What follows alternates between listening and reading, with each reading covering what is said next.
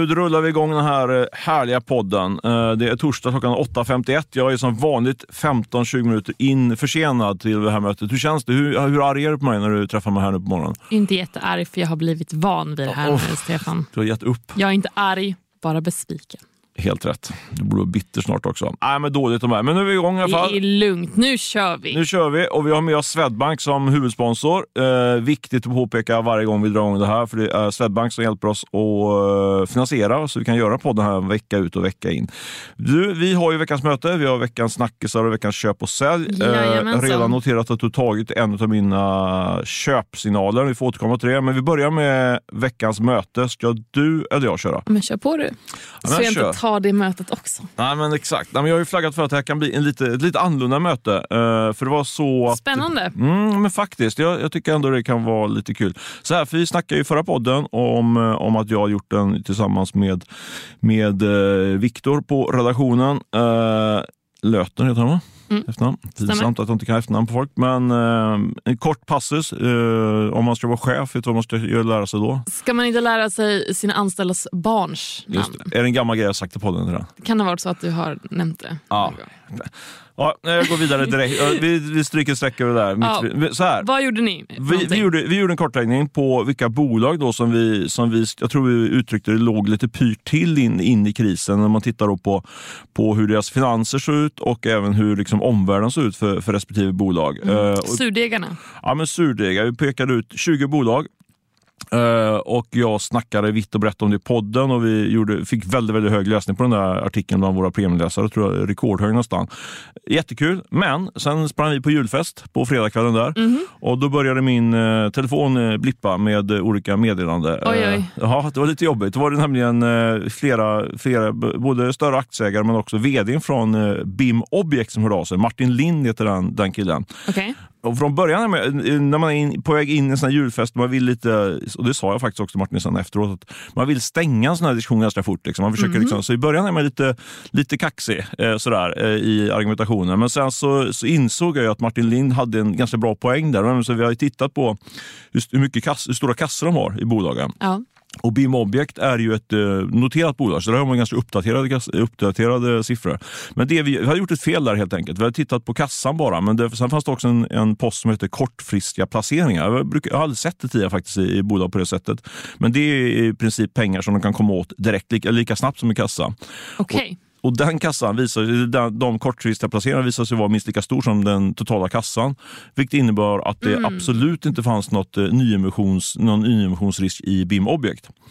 Eh, så det var, dessutom var också deras resultat i praktiken bättre. Så mm, det, var, det var så, det var, det var liksom det, jag, det, jag, det, det faktum jag stod inför när vi var där på julfasten vid typ 19-19.30 och, drack, lite glögg och sådär. Och hur kändes det att få de här meddelandena?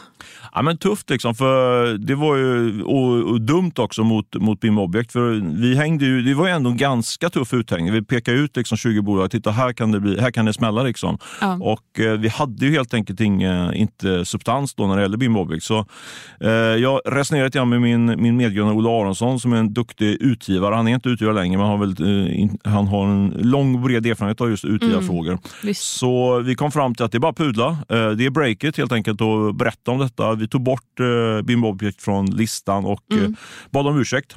Och sen så gjorde jag faktiskt så att jag bokade, nu kommer jag äntligen dagen, veckans möte, för jag bokade också in ett möte med eh, Martin Lind, för jag kände liksom att eh, jag vet, vet lite mer om BIM Object och, och eh, vad de gör för något. Och ja, det är mitt möte. Jag tänkte börja med frågan, vet du vad BIM Object gör för något? Det gör jag inte, så du får jättegärna berätta. Ingen aning? Nej. Nej, okej, det är bra. Eh, nej, men det är alltså, eller bra vet jag inte, men det, det är bra att du är ärlig. Ja, nej man kan ärligt. inte ha koll på allt. Alltså. Verkligen. Det är Nej, så så många är det. bolag här som man ska följa.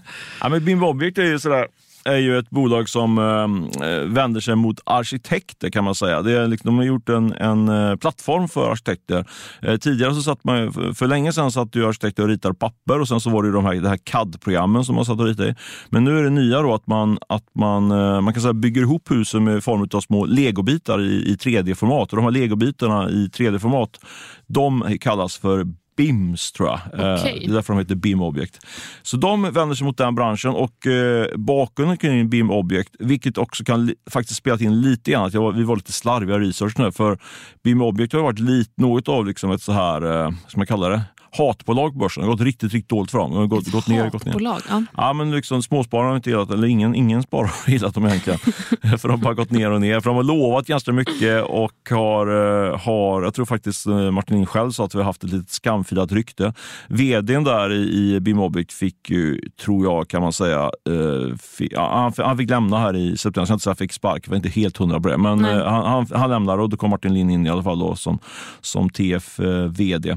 Och det där snacket då för att liksom knyta ihop det här eh, veckans möte.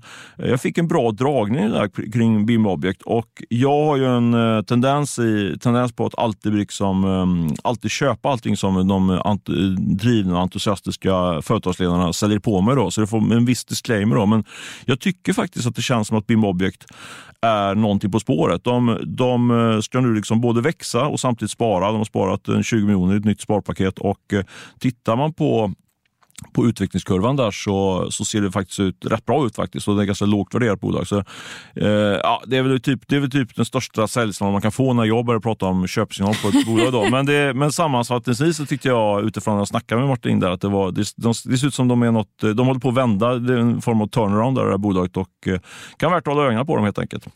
Okej. Så det, men, var, det var eh, min, eh, min lilla, mitt möte också då och även lite grann en inblick i hur det kan vara på, för en journalist på en fredagkväll på en julfest. Ja, väldigt, väldigt eh, snyggt att det blev lite, lite pudlande där. Det, men eh, alltså, mår man så mår man.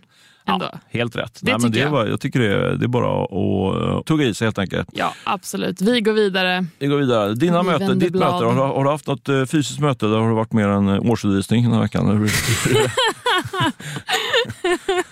Nej, ingen årsredovisning men inget fysiskt möte heller. Det blev på telefon. ja. Jag har ju suttit med en, eh, en eh, vad ska man säga, jag har suttit och, och smattrat på tangentbordet för fullt och skriver en lång grej här. Eh, så att det blev ingen, ingen ut i, i verkligheten möten i den här veckan. Men jag har i alla fall pratat med eh, två personer som heter Tini Vari och Johanna Mörk. Och De har grundat ett bolag som heter just Tini. Och Vad gör de då? Jo, de säger så här att modeindustrin måste bli mer hållbar, vilket säkert vi alla eh, är överens om.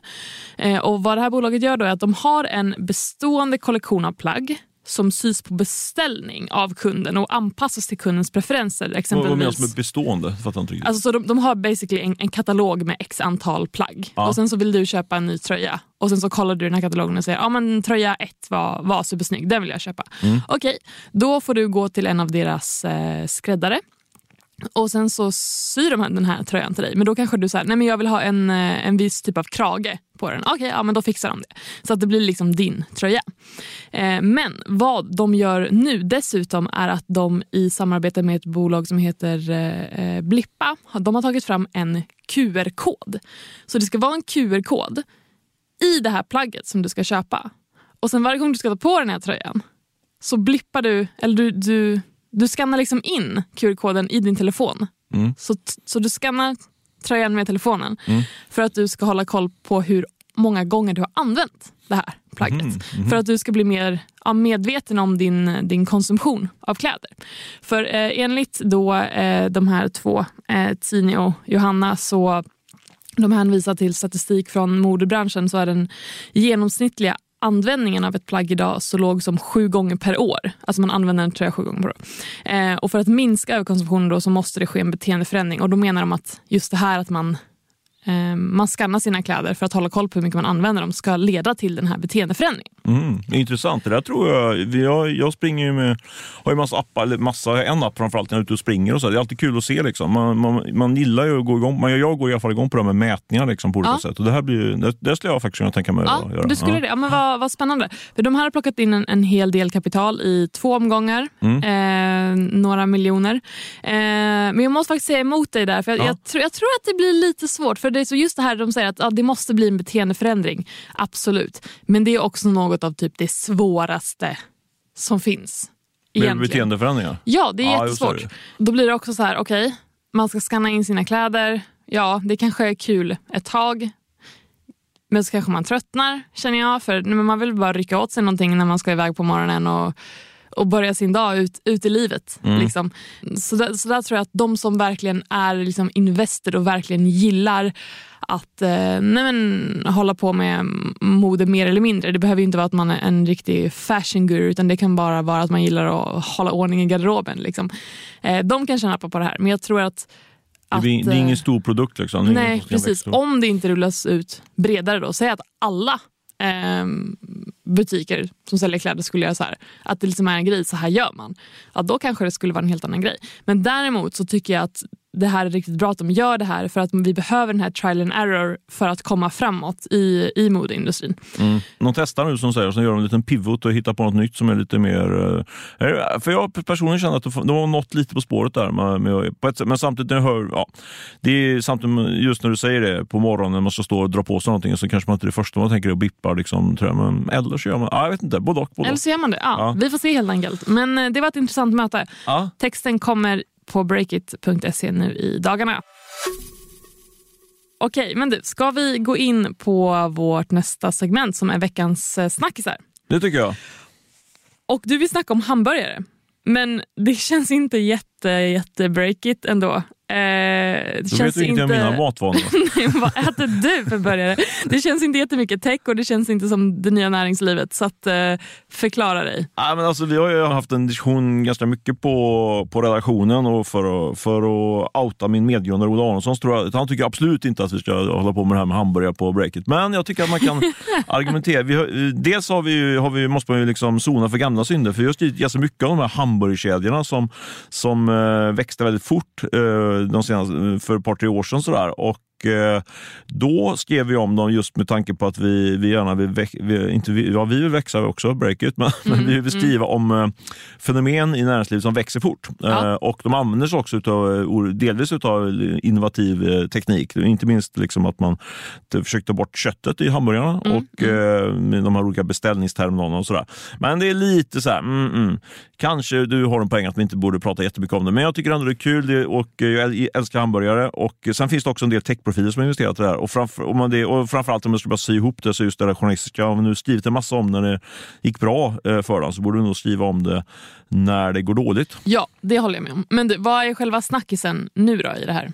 Ja, men det är precis det som jag var inne på, att nu börjar det liksom eh, skaka rejält för, för de här eh, hamburgerkedjorna. Vi, vi eh, rapporterar, var ju snabba att rapportera när de, när de växte fort. Bara för att nämna, droppa några namn och sätta in det i kontext. Innan jag ska gå in på varför det går dåligt då, så var det till exempel Best Burgers, var vi, mm. var vi, tror vi, om jag inte minns fel, var först med att avslöja att de såldes då till en norsk riskkapitalfirma, en affär på 500 miljoner. Sen var det Bröderna som Litorina, också en svensk riskkapitalfirma, som gick in med en värdering, värdering på en miljard.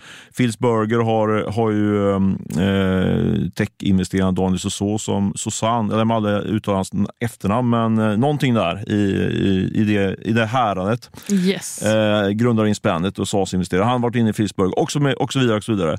Eh, så det, det har pumpats in en massa riskkapital i, den här, i det här segmentet. segmentet. Och nu håller det på att spricka. För det, precis, det sista bolaget jag nämnde, Phils Burger, kunde vi avslöja här nu igår, eller om det var förrgår, att de har fått gå in i rekonstruktion, vilket är förstadiet till konkurs om man inte lyckas vända det kan man säga. Mm. Så eh, det har varit en väldigt het sektor. Eh, man har sett att man kan skala upp de här koncepten väldigt fort eh, och det är det man har gjort. Och, men det, de är ganska lika. Liksom. Det är ändå lite börjare som börjare. Jag vet inte vad du tycker. Tycker du det är stor skillnad på de här hamburgerkedjorna när man är inne och käkar på dem? Det är skillnad på McDonalds tycker jag jämfört ja, med de här. Är, men, ja, men när man exakt. tittar på de här lite, lite mer premiumsegmentet, är det någon stor skillnad? Nej, jag tycker inte att det är så jättestor skillnad. Men numera har det blivit så himla dyrt. Det är helt sjukt. Ja. Så, så att man, så man går inte in och bara tar en burgare. Liksom. Det, nej, men då kan man lika gärna nej, men köpa någonting annat. Som ja, ändå liksom... Göra maten själv. Nej, och där är du verkligen inne på något. För det är en, en orsak till att det nu börjar verkligen knaka i fogarna här. För nu får man ju betala kanske 150, 160, 170 spänn från början. Liksom. Det är helt otroligt. Det är ju galet dyrt. Ja. Det är, så det, liksom, är du en barnfamilj så är det, det går ju bort. Liksom. Ja, ja. Eh, det kom inflationssiffror här nu igår tror jag, som visar att matinflationen har ökat med 17 procent. Så eh, det, det, vi ser nu är ju liksom eh, en, ehm, tror jag faktiskt, att vi kan, någon form av slakt kommer det bli på de här hamburgerkedjorna. För det är liksom en tydlig överetablering. Mm. Och sen också är det ytterligare en faktor att det gått in så mycket riskkapital så det de är ganska högt belånade många av de här kedjorna också. Eh, som kommer sätta liksom ytterligare press nu när räntorna går upp eh, och det blir allmänt tjurigt i, i lågkonjunkturs, eller i klimatet, då, i det ekonomiska klimatet. Så eh, hårda bud för, för eh, hamburgerkedjorna och vi, jag tror vi kommer, ni kommer få tvingas läsa lite grann om de här kedjorna på Breakit fortsättningsvis också, för jag har koll på det. Ja, Spännande. Vi får vi se om det dyker upp börjare på sajten. Då. Men du, går det att dra slutsatser om några andra nischer? Ja, men jag det här är ju intressant liksom, utifrån det vi pratat om i, i flera veckor, flera månader. Just nu, nu kommer lågkonjunkturen, vad, vad händer på, mm. i ekonomin? Vi prat, lyfte ju fram mycket, det var inne precis det jag fick pudla nu i början, då, alltså vilka som får göra nyemissioner och sparpaket. Mm. Men det nästa steg är ju, då, är ju rekonstruktioner och i slutändan konkurser. Mm. mm. Eh, och Det kommer vi få se, i, inte bara i, i hamburgerbranschen såklart, utan det kommer dyka upp i många andra segment. Och om jag bara skulle highlighta ett segment som jag tror ligger liksom så at risk, för jag hörde faktiskt i veckan från en, en insider inom inom, inom det här med träningskläder alltså, som har växt extremt mycket. Ja. Jag kommit på, det finns ju säkert mycket coolare namn än träningskläder, men de, de som säljer vad säger de? De säljer uh, tights och, och så vidare. Ja. Uh, Aiming, uh, Stronger Exakt. och du vet, alla de här. Där hörde jag nu från en bra insider att det börjar bli riktigt tjurigt för, för de här spelarna. De pekar faktiskt ut Amin och Stronger som, som bolag som, som uh, börjar få det tufft. Uh, det finns uh, diskussioner med leverantörer, vilket brukar vara en dålig indikator på att man liksom mm. vill, vill pruta på priset och kanske mm. för, förlänga sin betalningstid och sådär. jag vet inte exakt om det rör Amin och Stronger, men det var liksom i den kontexten jag hörde på det där. och de är ju typexempel på en, ett segment som verkligen surfar på pandemin. Folk skulle börja träna mycket mer mer om man tränar mycket hemma vill ha, ja, se snygg ut i sina träningskläder. Eh, och man har också surfat mycket på det här med eh, marknadsföring i sociala medier. Eh, influencers som har, som har marknadsfört grejerna. Men nu har ju, det har vi pratat om också i podden, att nu har det blivit mycket, mycket dyrare att marknadsföra sig i sociala medier på grund av man får inte spåra folk lika mycket i, i appar och sånt, liksom, vilket drar upp kostnaderna för social marknadsföring. Så där är ett segment som jag tror man ska hålla ögonen på. Revolution Race, börsnoterat, mm. är ju rätt intressant att se hur, liksom, hur länge de lyckas hålla uppe försäljningen. Men det är ändå lite annat segment då, än träningskläder, Revolution Race, de är outdooriga. Helt rätt. Precis när jag sa det så bara tänkte de är lite ändå... Men absolut, nej, men det, egentligen, det jag vill lyfta är väl just de här träningsklädssegmentet. Då. du påminner som en igel där, jag får inte glida runt här någonting på, på sanningen. Men det är väl det man ska vara, en igel, en jobbig jäkel. Ja, helt rätt. Attackhund som är mitt mål. Det ska det vara. Det var min snackis. Hamburgare och eh, träningskläder eh, ligger risigt till i, i, när ekonomin eh, rusar in i lågkonjunktur. Då. Vad, vad har du för snackisar att bjuda på? Ja, eh, ja men om vi går vidare till det då, så ska vi, tycker jag, snacka om Filip Tysander. Mm. Han är en profil som nu i det tysta har startat en ny satsning. Men innan vi går in på det så tänkte jag att vi drar lite kort om vem denna Tysander är. Så Han har då grundat klockbolaget Daniel Wellington Um, och Det blev en, ja, en superhit kan man väl säga. Han har tjänat multum på det här. Startade ett gigantiskt butiksnät men så slog um, Eh, pandemin till och det blev sparpaket och så vidare. Och Han har varit storägare sedan starten men jagat efter en ny ägare. Och, ja, vi har pratat lite om det här tidigare i podden. Eh, bara i, I förra avsnittet så berättade du Stefan att eh, han har fått en amerikansk partner och nu verkar eh, ja, men sälja hela bolaget gradvis. Viktigt att säga nu verkar, så säga, för det var en, en, en lite skakig källa jag hade på det. Men eh, det är mycket tyder på att det blir så kan man säga. Mycket tyder på det, ja. men som sagt, det är inte spikat. Nej, så kan man säga. Helt enkelt. Men du Stefan, det är du som har skrivit om eh, Tysanders nya satsning i veckan. Och Vill du berätta, hur gick det till? Ja, men det är underbart tycker jag med våra läsare. För vi fick ju då tips. Vi får väldigt många bra tips eh, mm. från våra läsare. Helt otroligt. Eh, det måste jag säga att det är en stor skillnad jämfört med andra arbetsplatser jag jobbar på. Där, där har det kommit in lite mer sporadiskt. Men vi, får riktigt heta tips, eh, vilket vi är väldigt tacksamma för. Så tipset då är det här som vi fick på, på tisdagskvällen var det tror jag. Precis skulle jag sätta om i maten och hade ett litet, litet fönster mellan maten och träningen. Då fick mm. jag läsa det här mejlet. Ja. Och då, ställde, då var det så här, spana in den här sajten som heter Komis, heter den va? Eh, bolaget. Ja, Komis. Komis tror jag. Eh, här är liksom Filip Tjanners nya, nya startup. Eh, och eh, då eh, hann jag faktiskt med att och kolla upp det där tipset lite grann. Kollade med en källa som be, bekräftade att det där var Tysanders bolag. Och, så, jag, så jag gick in på underbara Bolagsverket också och tittade. Där fick, oh. fanns det också ganska mycket fakta. Så jag kunde trycka ut en artikel där om att han skulle dra igång det där bolaget och hade faktiskt investerat en 10-15 miljoner redan i det innan lanseringen, vilket är intressant. Och eh, han skrev ju också faktiskt på LinkedIn upptäckte jag. Eh, det brukar, han, brukar ju, han är ju väldigt hemlighetsfull, Filip Westander, men han gjorde, skrev ett av sina eh, få eh, LinkedIn-inlägg. Och Jag försökte då få en kommentar från Filip Westander, men jag fick bara en, en gilla-markering på min...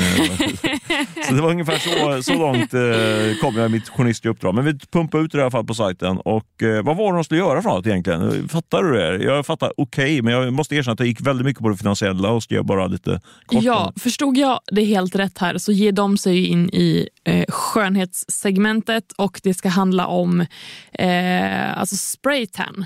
Mm. Alltså, brun, utan brun utan sol. Jag fick fråga min fru där, vad är det här? Vad betyder det här tan? Det är brun utan sol, skrek hon utan, från biblioteket där vi sitter. Ja. Så det, men ja, berätta mer, för du, du är mycket bättre. Jag är på väldigt tunn is här nu när det gäller det här segmentet. Ja, men då, då... Säger jag fördomsfullt om att du, vi bygger inte på att du behöver Jag har aldrig använt brun utan sol. Jag skulle gärna vilja, men jag är så himla rädd för att man ska bli så här morotsorange. Jaha, okej. Okay. Ja, ja det, det är rädd för, att vara fel färg. det blir skönhet och det blir spraytan för Tysander här i hans nya satsning. Men vad, alltså vad som är väldigt intressant tycker jag är här, för han lyckas ju verkligen med dunder och brak med de här klockorna i, i bolaget Daniel, Daniel Wellington. Um, alltså det gick ju verkligen superduper bra. Ja, underbart. Tills... Underbart, ja. ja. fantastiskt. ja, men tills det inte gick lika bra längre i alla fall. Men det, det gick ju helt, helt otroligt bra. Och frågan är så här, hur mycket var tur? För det, det, det, det går ju inte att mäta. Liksom. Han är säkert superduktig i det han gör. Men tur och timing spelar ju verkligen in i exakt allting. Verkligen. Och då jag snackade lite med, med Jon och eh, Emil på redaktionen om det här. Och de var så här, ah, är han kanske en, en one hit wonder? Liksom att strikes once, mm. det blir mega bra, men det är det. Mm. Liksom. Så nu tycker jag att det ska bli jätteintressant att se om han kan lyckas igen. För både de här klockorna som han höll på med förut, eh, eller fortfarande gör, eh, och den här uh, Brunten Sol, det är konsumentprodukter. Så på ett sätt så är det ju liksom, där kan man ju säga att inom samma segment, mm. även om det liksom inte är, är, är skönhet på, på samma sätt. Men just i skönhetsbranschen så är det väldigt många som ger sig in i den här leken. Men det är också väldigt hård konkurrens. Det är jättesvårt att slå igenom. För som konsument är det så här, okej, okay, var ska man börja? Liksom.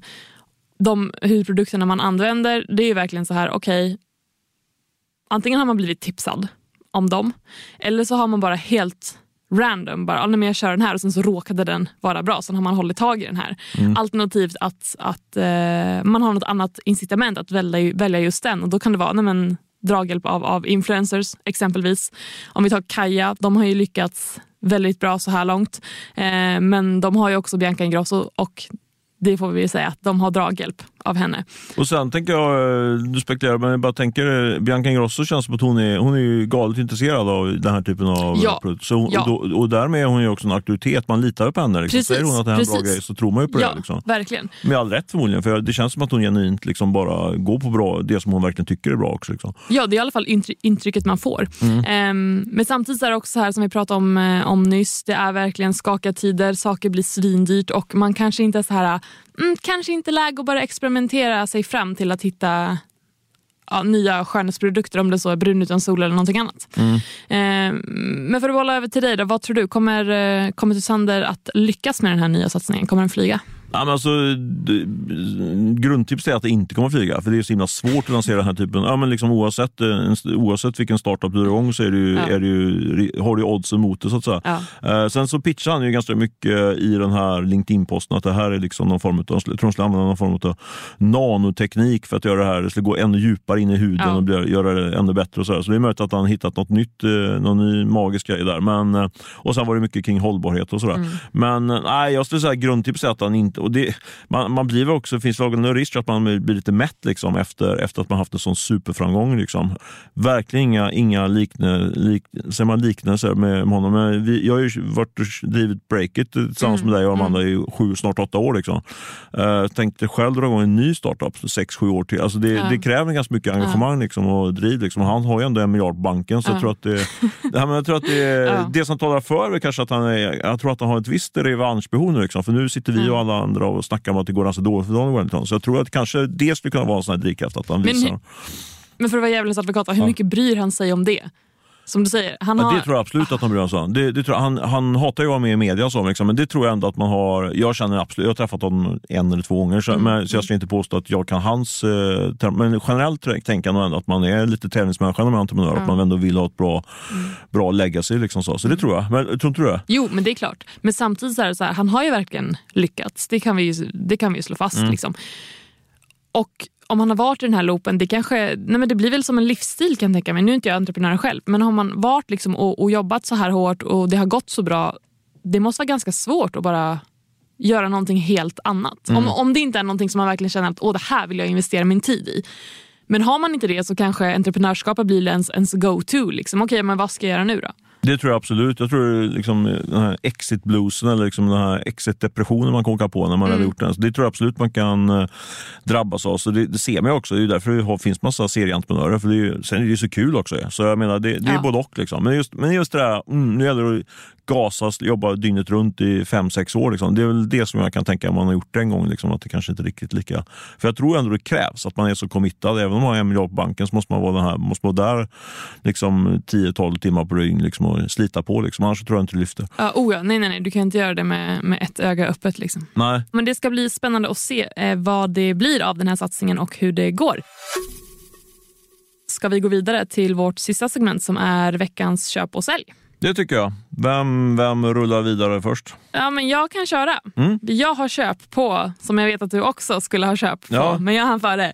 Bianca Ingrosso och Alice Stenlöf. Just det, jag blev väldigt besviken när jag upptäckte det i morse här. Men kör! Ja. Jag tycker det är en väl, välfunnen köp. Så det, berätta varför. Så Bianca Ingrosso och Alice Stenlöf de är, eller har varit en eh, stekhet poddduo. Lite som, som du och jag, eller hur? Mm, Ja. Verkligen. Och de hade podden eh, Alice och Bianca hade sagt A får du säga B.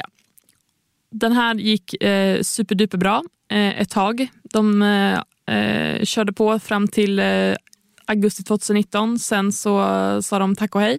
Men när de körde i alla fall så var det en av Sveriges populäraste kommersiella poddar eh, med lyssnarsiffror på runt 200 000 i veckan. Så det är rätt bra. Men varför då detta köp? Jo, trots att de har lagt ner den här för flera år sedan så fortsätter den här podden att dra in pengar. Det är inte så lite heller. 100 000 var det åtminstone tror jag. Ja, men så helt otroligt. Och jag tänkte, noterar faktiskt en annan sak. Det var, det var, det var i Biancas bolag som kom in 100 000. Så man kan nog utgå från att Alice har dragit in ungefär 100 000 också.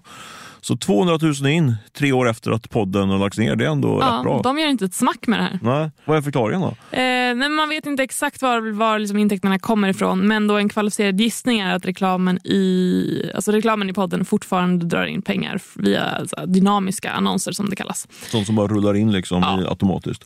Så att eh, jag säger good for them. Heja de här tjejerna. Heja heja. Ja, men jag håller med dig på den köpen. Jag, har ju, jag går på min veckans sälj och den lägger jag på bolaget HelloFresh. Mhm. Egentligen ska man väl eh, hänga ut deras underleverantör för det har varit en väldigt bra granskning måste jag säga i, i Sydsvenska Dagbladet. Sydsvenskan heter den numera bara. Eh, I den Malmöbaserade tidningen, Mm. eh, sajten.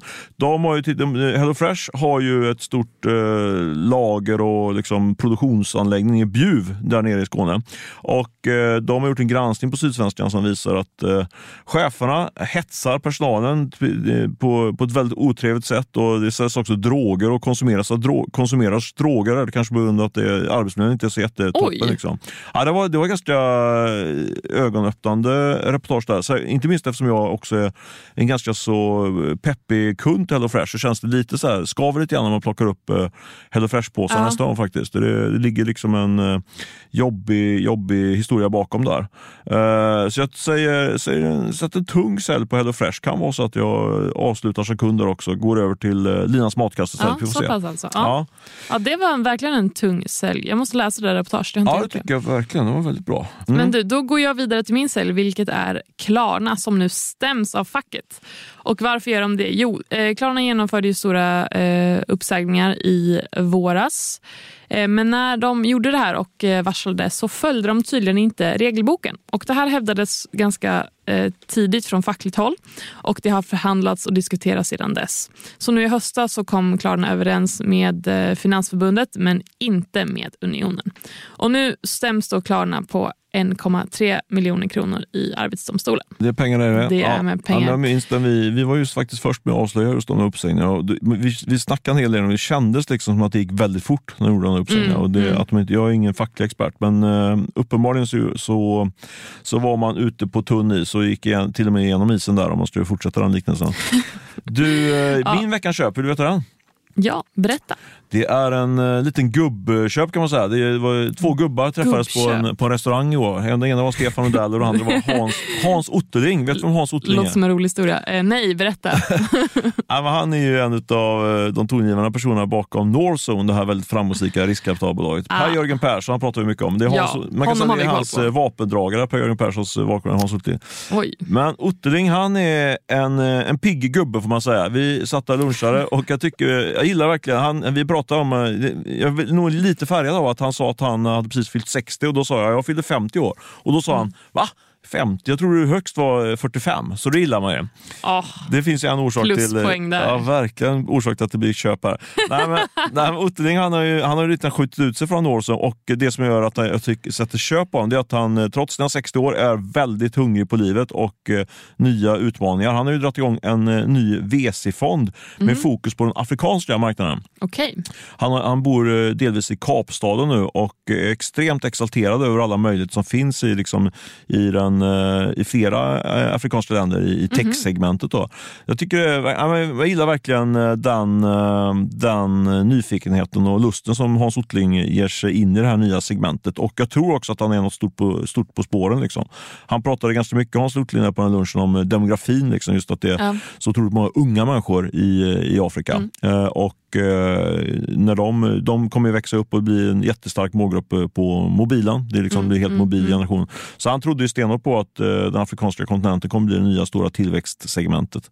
Så jag sätter köp framförallt på Hans Ottlings eh, engagemang och driv där och sen så kanske jag sätter en liten köp på hans fond. Det får vi se hur det går där. Vi håller ögonen öppna. Ja. Kom jättegärna med eh, feedback och input. Ni når oss på podcast.breakit.se. Det måste ni göra. Maila och eh, skriv också gärna lite härliga betyg här i, i eh, poddappen så att vi får ännu bättre lyssning och så vidare. Ha det så bra! Ha det så bra! hej! hej. hej.